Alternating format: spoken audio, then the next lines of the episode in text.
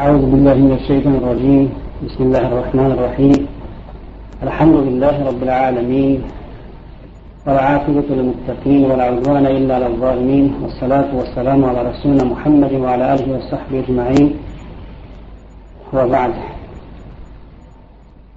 Slava i zahvala pripadaju Allahu subhanahu wa ta'ala. Njemu zahvaljujemo, njega obožavamo i veličamo, jer njega pomoć i uputu tražimo. Donosimo salavat i selam na posljednjeg Allahovog poslanika Muhammeda sallallahu alaihi wasallam, njegovu časnu porodicu, njegove ashabe, njegove drugove i sve one koji njegov sunnet slijede do sudnjega dana.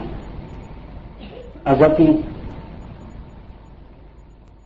ja bih se prije svega zahvalio organizatoru našoj studentskoj organizaciji Sahva iz Mostara na ovom, na organiziranju ove tribine ovog predavanja, molit Allaha Đelešanu da i nagradi na njihovom trudu u promicanju Allahove istine, u promicanju svjetla Islama, Kur'ana i suneta poslanika Muhammeda sallallahu alaihi wa sallam. Nakon toga, draga braćo, poštovane sestre, cijenjeni građani Mostara,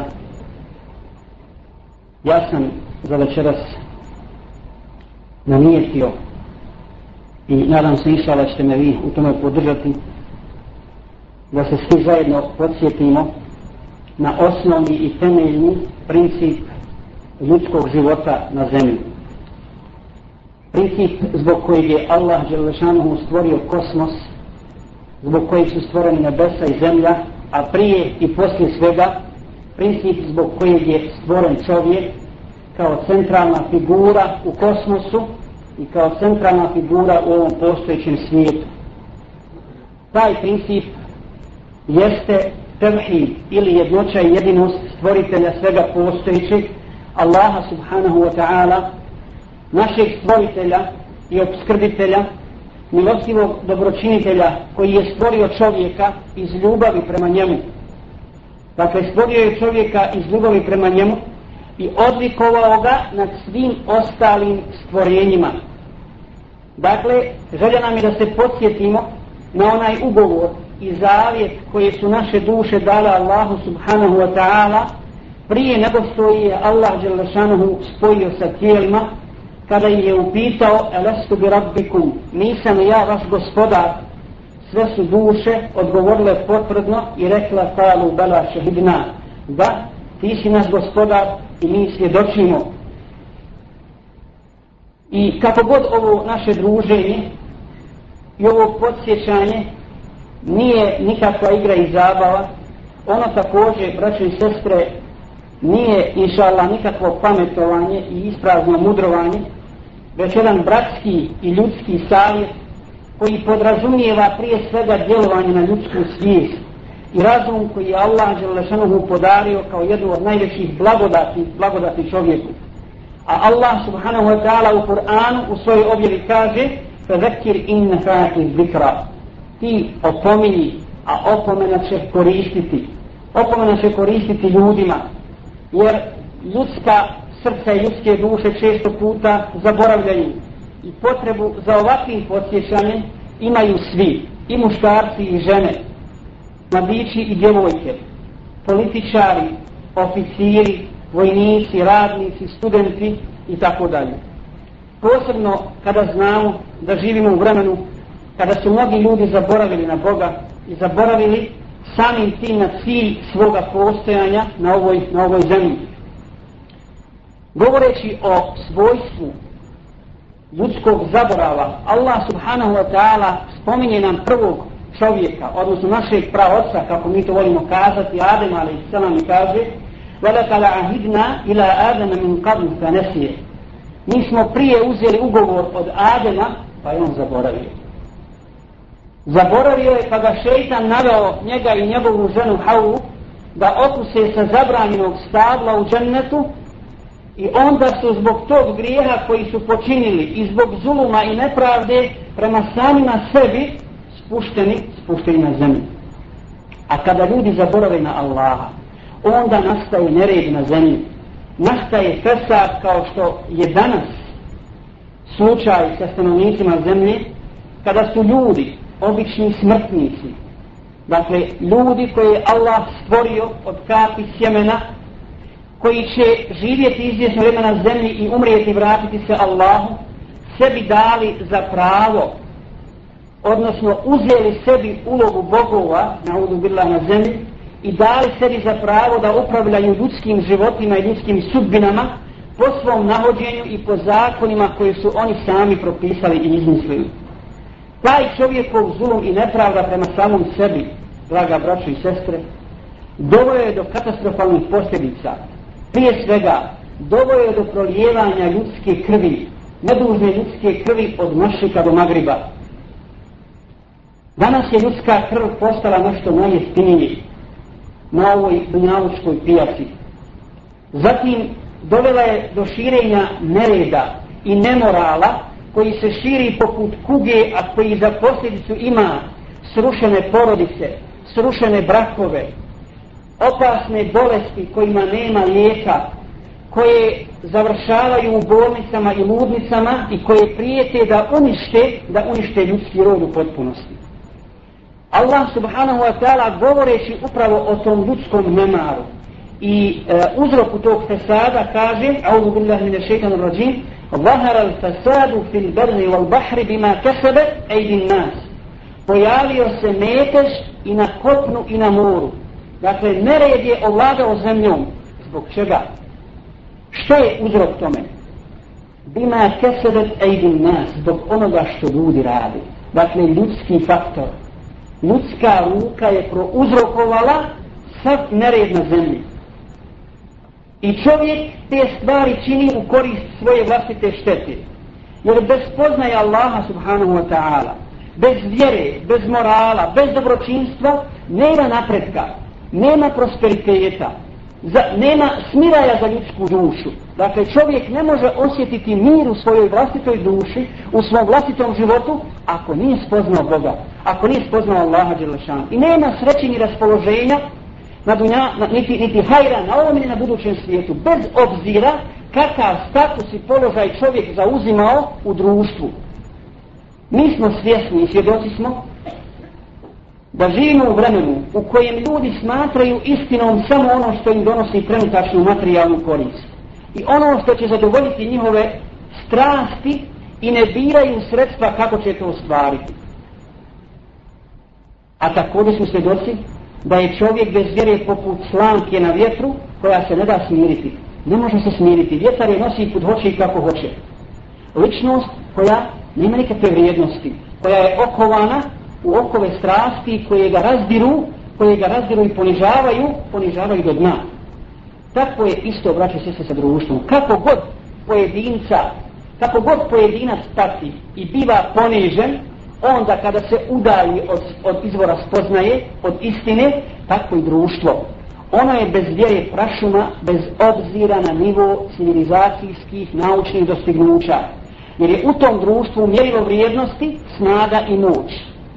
Ovo ne može niko danas demantovati. Snaga i moć su mjerilo, mjerilo vrijednosti, a ne dobrota, pravednost, moral i one istinske vrijednosti o kojima islam govori.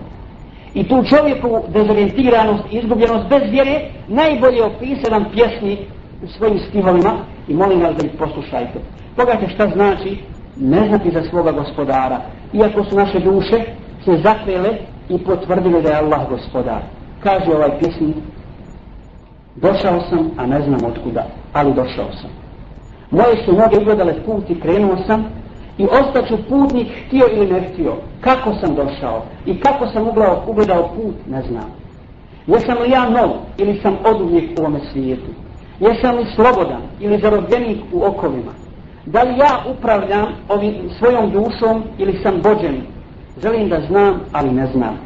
Moj put, šta je moj put? Je li dug ili kratak? Jesam li ja s ciljem spušten u život ili sam bačen i ostavljen? Je li to ja idem putem ili put ide? Ili nas dvojica stojimo, a vrijeme ide? Ne znam. Da li poslije kabura, nakon smrti ima proživljenje i život vječnosti? Ili potpuni nestanak? Ne znam. A zašto ne znam? Ne znam. Dakle, pogledajte te zbunjenosti, izgubljenosti, nesigurnosti u ljudskom životu kad ne zna istinu, kad ne zna pravi put bez obzira o kakvom se kalibru intelektualca radilo.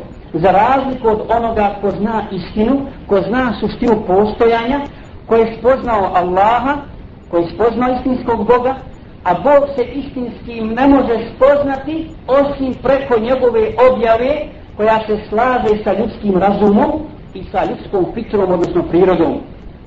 I na pitanje koja je sebi postavio ovaj pjesnik, a koja sebi postavlja svaki čovjek, svaka ljudska duša, zašto sam stvoren?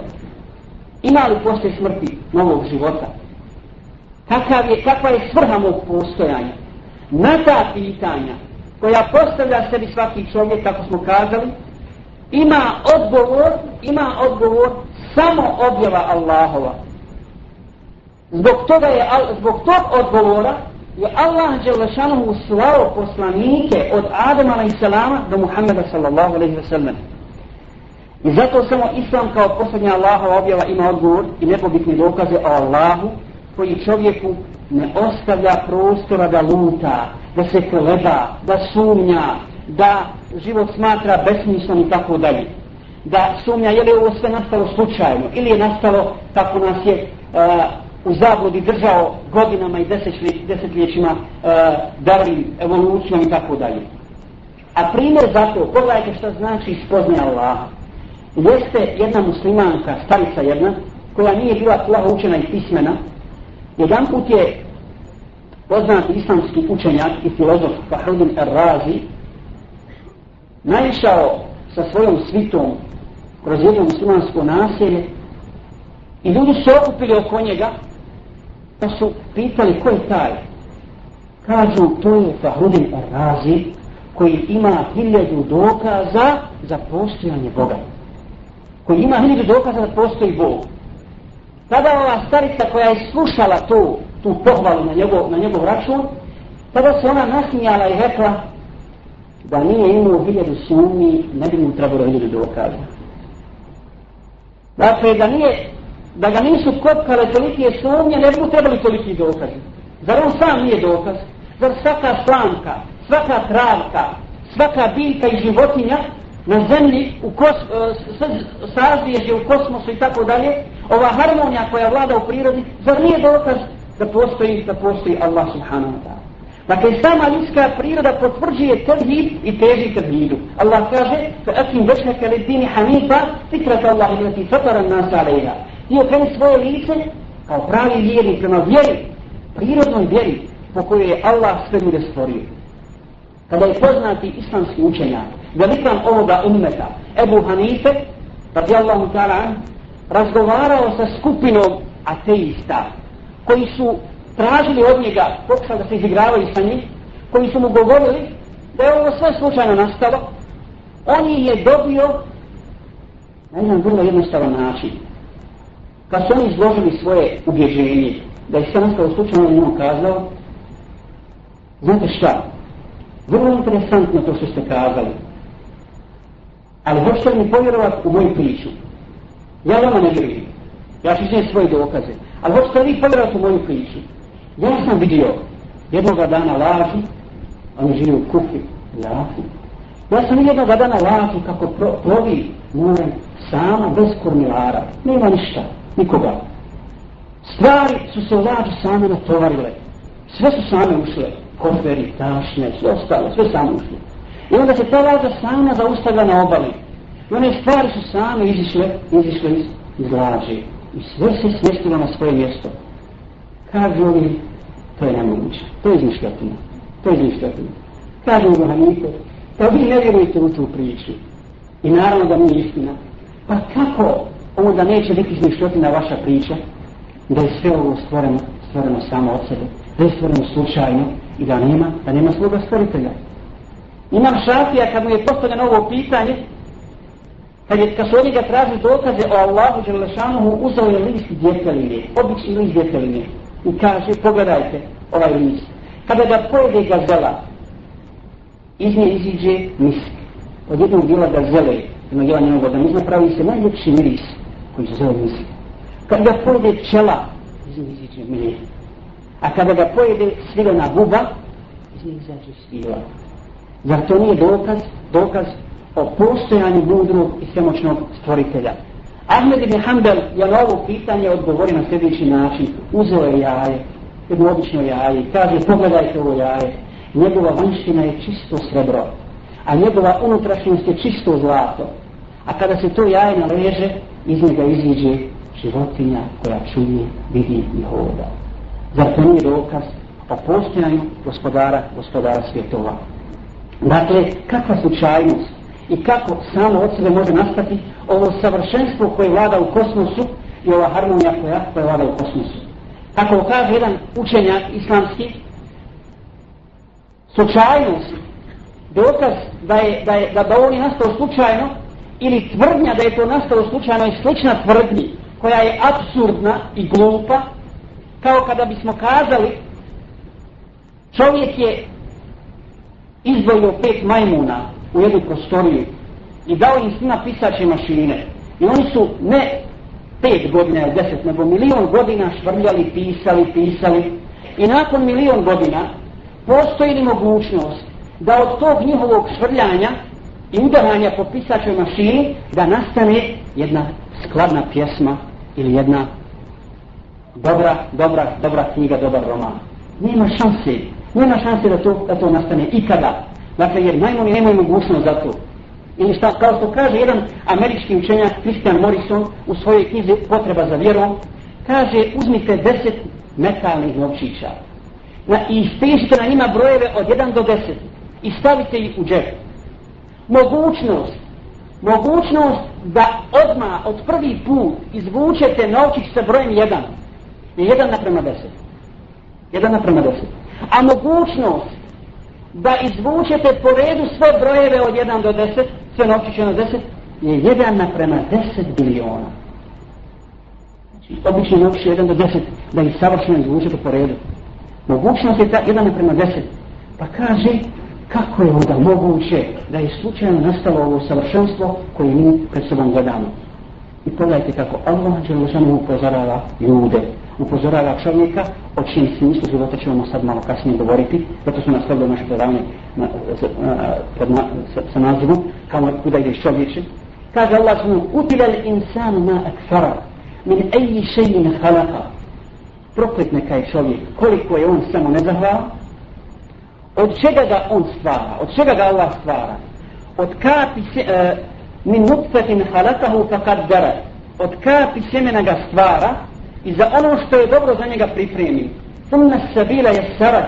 zatim mu put, put spoznaje dostupnim učini. Thumma amatahu fa akbara, zatim mu život oduzme i učini da bude sahranjen, thumma ida ša'a inšar, zatim će ga kad bude htio ponovo preživjeti. Dakle, nije slučajnost.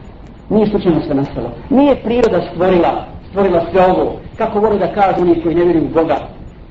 Priroda, šta je priroda? Pogledajte kako jedan običan čovjek razgovarao s jednim ljekarom, s jednim doktorom. Postao mu vrlo interesantna pitanja vezana za ljudsku krv. Kaže mu, ovaj pacijent koji je došao kod doktora, pa kad je završio sa, sa, sa svojom, svojim pregledom, kaže mu, doktore, ja bih te nešto pitao. Kaže, budu pitaj. Kaže, zašto, možemo objasniti zašto, zašto je ljudska krv crvena? I zašto je inače krv crvena? Kaže mu doktor, zato što u krvi postoje crvene stanice ili čelije. A ovaj čovjek pita, dobro, a zašto su crvene?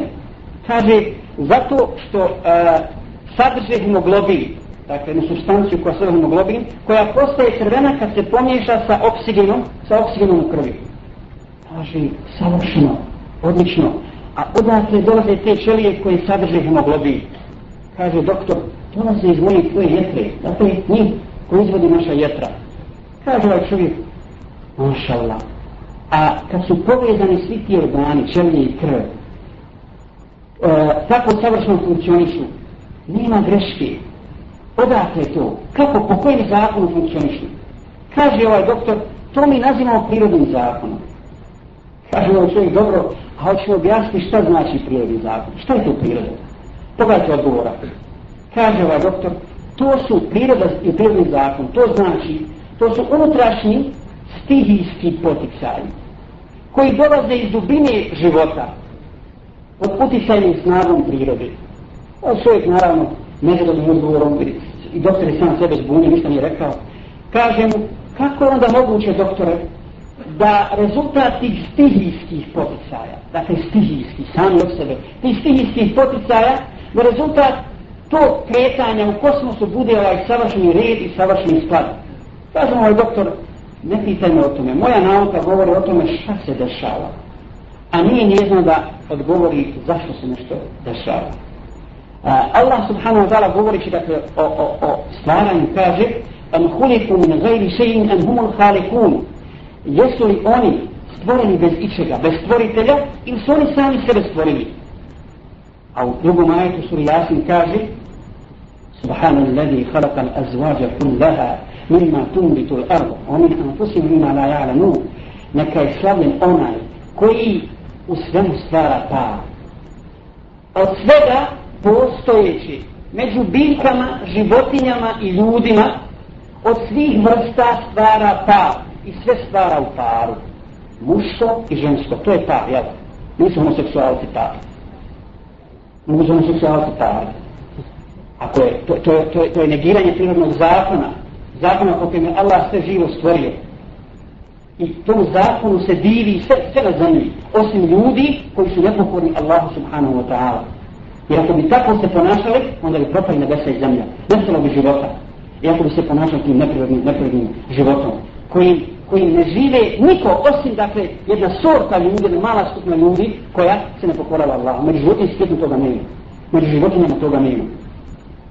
I kad je riječ o Allahu Đelešanu, pogledajte kako ne, jedan od najljepših odgovora, ili možda najljepši odgovor, uh, kad je pitanje objava, dao je Musa alaih selam kada ga je faraon, kada je sa njim raspravljao, kada je upitao ko je tvoj Bog, ko je tvoj Bog, Musa alaih selam odgovara vrlo kratkim i jasnim rečenicama i kaže Rabbu naladi ta'ata kulle še'in halkahu umma hada. Naš gospodar, dakle, moj Harunov, pita što je naš Bog.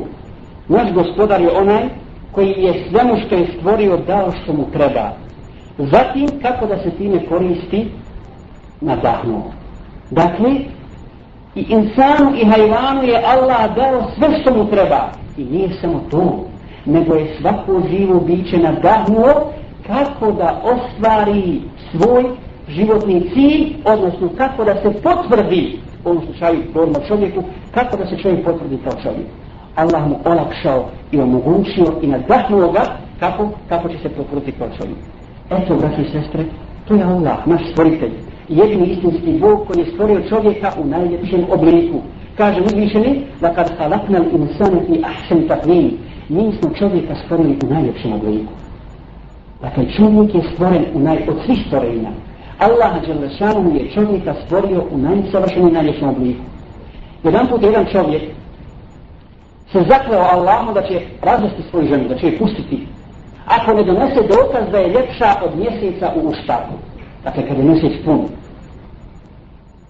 Pa je otišao imamu Maliku, kad je došao, žena nije donijela dokaza, nije znao jadnica.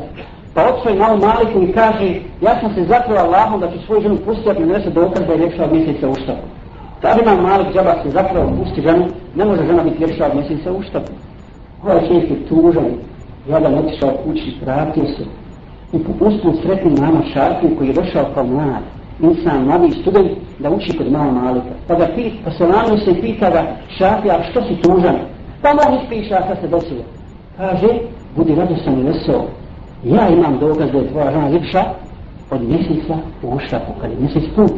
Kaže, daj mi dokaz, daj mi dokaz, samo da je, da je ne. Kaže, zar ne zna ima Malik da Allah Đelešanu kaže da tad halakna insane fi ahsani takvim. Zaista smo mi čovjeka stvari najviše obliku. Pa je otišao ovaj šef, vratio se na ovom Maliku i stirom ovaj ajet, Kaže, istine, rak malo šafija, upravo je, ne trebaš, ne trebaš pustiti svoju ženu. Dakle, Allah je stvorio čovjeka u naj, najljepšem obliku i nije ga uzalud stvorio i nije ga ostavio da luta bez upute uzvišeni kaže em hasibtum annama khalaqnakum abasa wa annakum ilajna la turđa'un. zar mislite da su vas uzalud stvorili da se nama nećete vratiti i govoreći o cilju ljudskog stvaranja Allah upozorava meleke i kaže wa iz kala rabbuka lil malaikati inni ja'ilun fil ardi khalifa kada je tvoj gospodar rekao mele, me, melekima ja ću na zemlji halifu stvoriti namjesnika postaviti a to je čovjek Rekli su meleki, قالوا أتجعل فيها من يفسد فيها ويسفك الدماء ونحن نسبح بحمدك ونقدس لك rekli su zar će stvoriti na zemlji onoga ko će krv polijevati, ko će mere činiti na zemlji, a mi te veličamo i hvalimo onako kako tebi dolikuje. Šta im je rekao Allah Đelešanu? Kale, inni a'lamu ma la ta'lamun. Ja znam što vi ne znate. Ja Allah zna kao naš stvoritelj tajnu o čovjeku koju meleki nisu znali. I čovjek je sam po sebi, kako kaže, znači muđiza, kao što je Kur'an muđiza od Allaha Đelešanu. Od čega je stvoren čovjek, na su prije govorili. O, ako ima ovdje studenta, doktora i tako dalje, znaju da je čovjek stvoren od nekoliko e, sastanja elemenata, vodi, kisi, karbon i azot, jel? A u, pro, u, otprilike u, u, u, u svakom čovjeku odraslu ima oko 50 litara vode. 50-60 litara vode, jel? Koliko košta kubik vode? Marka. Marka kubi vode. Znači to imamo 20 ljudi da zaradimo da zaradimo, da zaradimo samo jednu marku kad bi prodavali tu vodu na pijacu. I kada bi ove elemente sve zajedno prodavali, ne bismo kupiti od toga. Ne bismo, međutim, bez obzira što je čovjek stvoren od toga, kada Allah žele što mu udahne u njega dušu, on postaje veličina, on postaje ličnost, postaje zadužen emanetom koji su odbili nebesa i zemlja, jer nisu u mogućnosti da izvršaju to emanet osim čovjeka. I da insan, da čovjek nije vrijedan, da nije vrijedan spomena, ne bi ga Allah želešanu postavio za halifu. Dakle, čovječe, ti si tu na zemlji, ne da rušiš, nego da izgrađuješ život. Da izgrađuješ život. Ne da uništaraš, nego da kultirišeš i izgrađuješ koliko možeš. I da se potvrdiš kao ličnost, kao halifa na zemlji, da opravdaš očekivanja i da ispuniš emanet koji ti je Allah dao. A to ćeš učiniti kada? Ako budeš pokoran Allahu i ako budeš slijedio njegove upute. I onda ćeš dostići stepen veći od meleka. Veći od meleka. Možda ovo nismo znali, jel? Ali čovjek koji se pokorava Allahu Đelešanovu, izvršava njegove naredbe, a kloni se njegovih zabrana, je bolji od svakog meleka. Po učinu, Islama, odnosno po učenju vel Džemata. Jer melek nema slobodnu volju. Meleki se pokoravaju Allahu su bezuslovno i izvršavaju sva Allaha naređenja.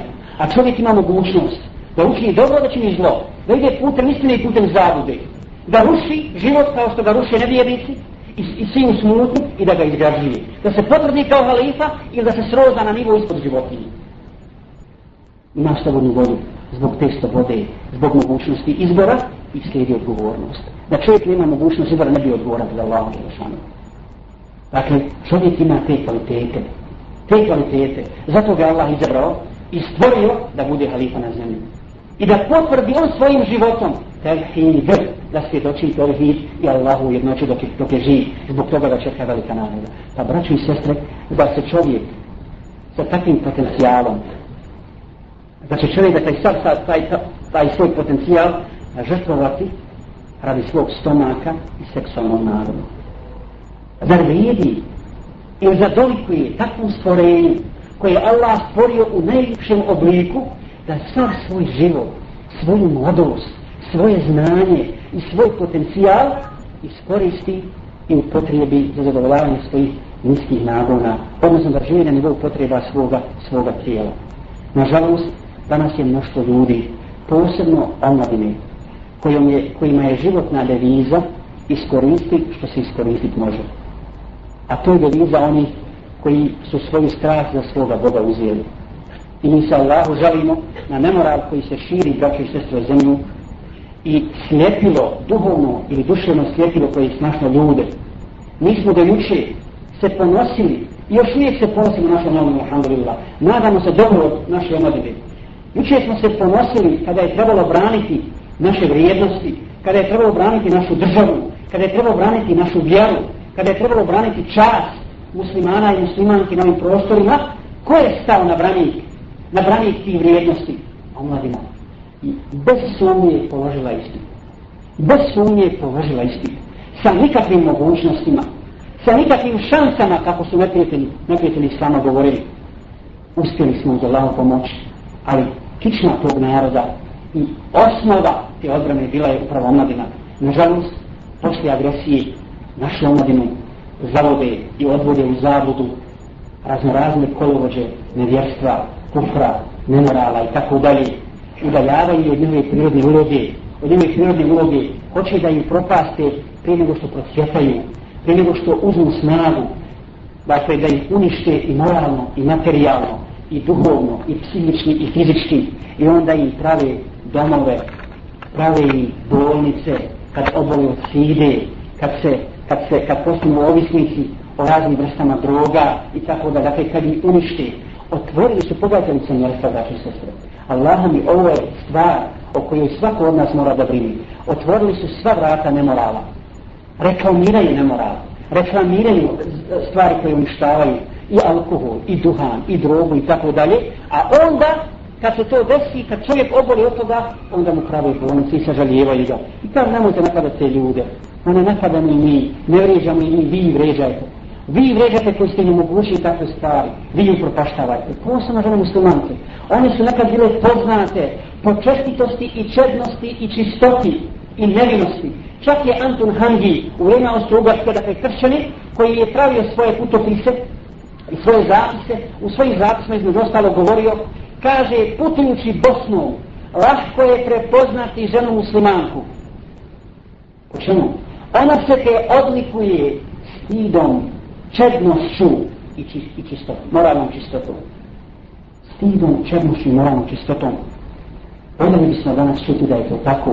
Međutim, nažalost nije ali ima nade za naše generacije. Voljeli bismo čuti za mladića koji je imao mogućnost da učini da učini grijeh sa bilo kojom ženom, pa da se pohvali da kaže nisam htio ime Allaha Đelešanu, bojao sam se Allaha Subhanahu Ta'ala, Voljeli sam vidjeti svakog mladića kome nije da viza iskoristiti, što se može iskoristiti, pa da, da, se, da se svrsta u red moralnih ljudi poput Jusufa alaihi Salama, koji je spomenut u Kur'anu upravo po tome, kada ga je zavodila i lijepa i ugledna žena, on je rekao, ja se bojim Allaha. I Allah ga je odlikovao poslanstvom, podario eh, odlikovao poslanstvom i odlikovao ga kao čovjeka na dunjaluku na ahiretu. Ili poput onoga kovača o kome nam priča Malik ibn Dinar poznati uh, učenjak i pobožnjak, kaže, ja sam u svom komšniku imao jednog kovača, koji je se razlikovao od svih drugih kovača. A po čemu? Kaže, on je mogao vatru vatru uzimati svojom rukom i stavljati dole pod ono željezo. Niko to nije. On uzimao vatru kao što mi uzimamo dinari dirheme. Pa sam jednom danom pitao zašto, otkud to? Otkud ti takav keramet i takva moć? Kaže ovaj čovjek, ovaj kovač, za ovaj keramet se reže jedna priča iz mog života. Jednog dana mi je došla jedna muslimanka iz komšiluka, siromašna žena koja imala djecu, nije imala muža, i tražila je novac da kupi hrane svoje djeci. Međutim, ja sam je ucijenjivao i tražio sam da mi se poda dobit će novac. Dobit će novac. Ona je odbijala, odbijala, na kraju je morala pristati. I rekla je, pristavi, pristavi, ali prije nego što to uradiš, zaključaj i zatvori sva vrata. Rekao sam joj i zatvorio sam i zaključao sva vrata. A ona je odgovorila, nisi jedna. Jedan si zaboravio zaključati. Ali njih svakako ne može zaključati. Pa sam rekao, ja bolje poznajem kopno vrata na svojoj kući i ja sam zaključao sva vrata. Ona je rekla, Allah nisi. Allahova vrata nisi zaključao. Zar se ne bojiš Allaha? I za Allah, zar ne znaš da Allah sve vidi sve čini? Zar ćeš me obeščastiti na taj način? Zar ćeš povrediti moju porodicu i moju djecu? Zbog toga sam ja potrebna da, kupim, da im kupim hranu. Kaže, kad sam te riječi čuo, ukočio sam se, prvo mi se zaradila u žilama, odustao sam, odstupio i rekao sam da Allah neću. Ono ti novac, uzmi koliko hoćeš. Ali prije nego odeš, prije nego odeš svojoj kući i svojoj djeci, tražim od tebe da uputiš za mene dolu Allah subhanahu wa ta'ala. I onda je ona rekla, digla je ruke i rekla, gospodaru moj, zabrani ga vatri na dunjaluku i na ahiretu. Zabrani ga vatri na dunjaluku i na ahiretu. I evo, blagodat te dole ja kušam na dunjaluku vatra me ne može pržiti, a naravno smišljava ću tu milost osjetiti, osjetiti na ahiretu. E, dakle, vrijeme je, braćo i sestre, da se vratimo izvoru našeg ponosa, izvoru sveće dostojanstva, izvoru upute i vječnog užitka na oba svijeta. Dakle, vrijeme je da zakucamo na vrata taube, na vrata istinskog pokojanja, prije nego što nam smrt dođe, A tauba je, ne zaboravimo ovo, tauba ili mogućnost pokajanja u islamu je samo jedan segment ove savršene vjere koja odgovara svakom čovjeku u svakom vremenu. Jer ona nas vraća u život i budi na novu nadu. Allah subhanahu wa ta'ala kaže u hadisi kuciju Ja ibadi innakum tuhtiruna bil lejli wal nahari wa ana anziru dhunuba jami'a fastavfiruni wa fillakum O moji robovi, vi griješite i dan i noću, a ja sam taj koji grijehe oprašta. Pa mi se obratite, zatražite oprost i vidjet ćete će vam ja oprostiti. A posljedno se kaže Allah pruža svoju ruku danju da oprosti onima koji su griješili noću i pruža svoju ruku noću onima da oprosti onima koji su griješili danju.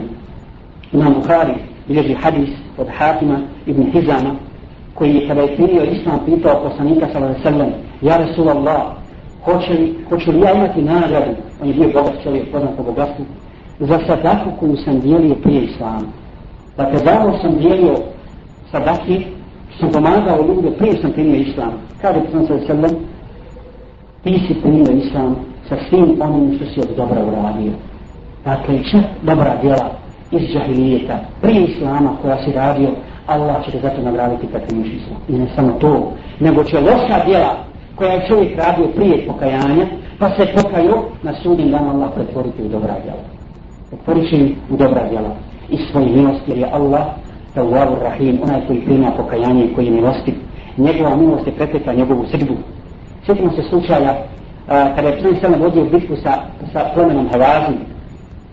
Nakon bitke, nakon bitke zarobili su nevjernike muslimani, međutim nevjernicima bilo je žena i djece i tako dalje. Jedna žena je izgubila svoje djete jedna izgubila je svoje djete i tražila ga je i očima i srcem i dušom, nije ga mogla vidjeti. Na kraju je vidi ugledala svoje djete i potičala je prema njemu i onda ga je privila svoje naručje, otkopčala svoju košu i dala mu da jede. Njene suze su obile njego, njegovo lice, dječje lice.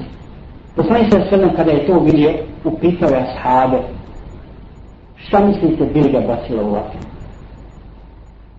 Pa kada bi sad mi naredili zarobljenicima da nalaze vatru, pa da majka ta baci svoje djete u vatru. Kaže, ja Rasulallah, kako će ga baciti u vatru, to je trud njenog srca. Ne može nikako. On se nam tako odgovara, tako mi on ga uči ruci moja duša. Allah je milostiviji prema ljudima od ove majke prema ljudima. Allah je milostiviji prema ljudima od ove majke prema, prema, prema njenom djetetu. I zbog veličine njegovog oprosta, ponudio teubu svakom čovjeku, bez obzira na veličinu grijeha, bez obzira na mnoštvo grijeha, jer braći i sestre zapamtimo ovo, svi kuranski ajeti u kojima su ashabi postavljali pitanje Muhammedu sallallahu alaihi sallam o bilo čemu, o svim životnim stvarima, o svim, a kad postavljaju pitanje, uvijek posle toga dolazi reci Muhammedu. jes eluneke anil anfal, pitajte o ratnom plenu. Kulil anfalu billahi rasul, reci plen pripada Allahu i poslaniku.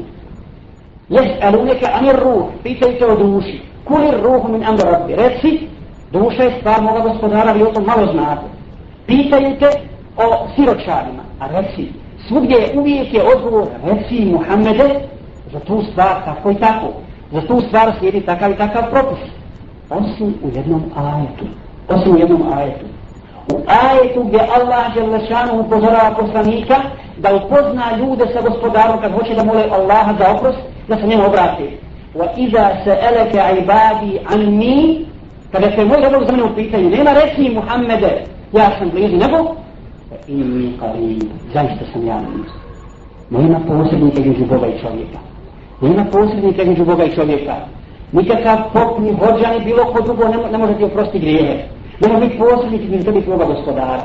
Kad god se iskreno vratiš gospodaru svjetova, podigneš svoje ruke, vratiš se istinski, zatražiš oprost, naće da Allah oprašta Vidjet ćeš to i osjetit na sebi, na svom životu, u svojoj duši, u svom, u svom srcu. Dakle, to je važno, to je važno pomenuti i važno se istinski vratiti Allahu Đelešanu. Zato, braći i sestre, požurimo sa tobom, koja znači istinski život. Vratimo se Allahu Đelešanu da bi nam se smilovao, da bi nam grijeho prostio, da bi popravi naše stanje, إذا بنا سوي مروش أولو جنة آمين جزاكم الله خير سبحانك اللهم وبحمدك أشهد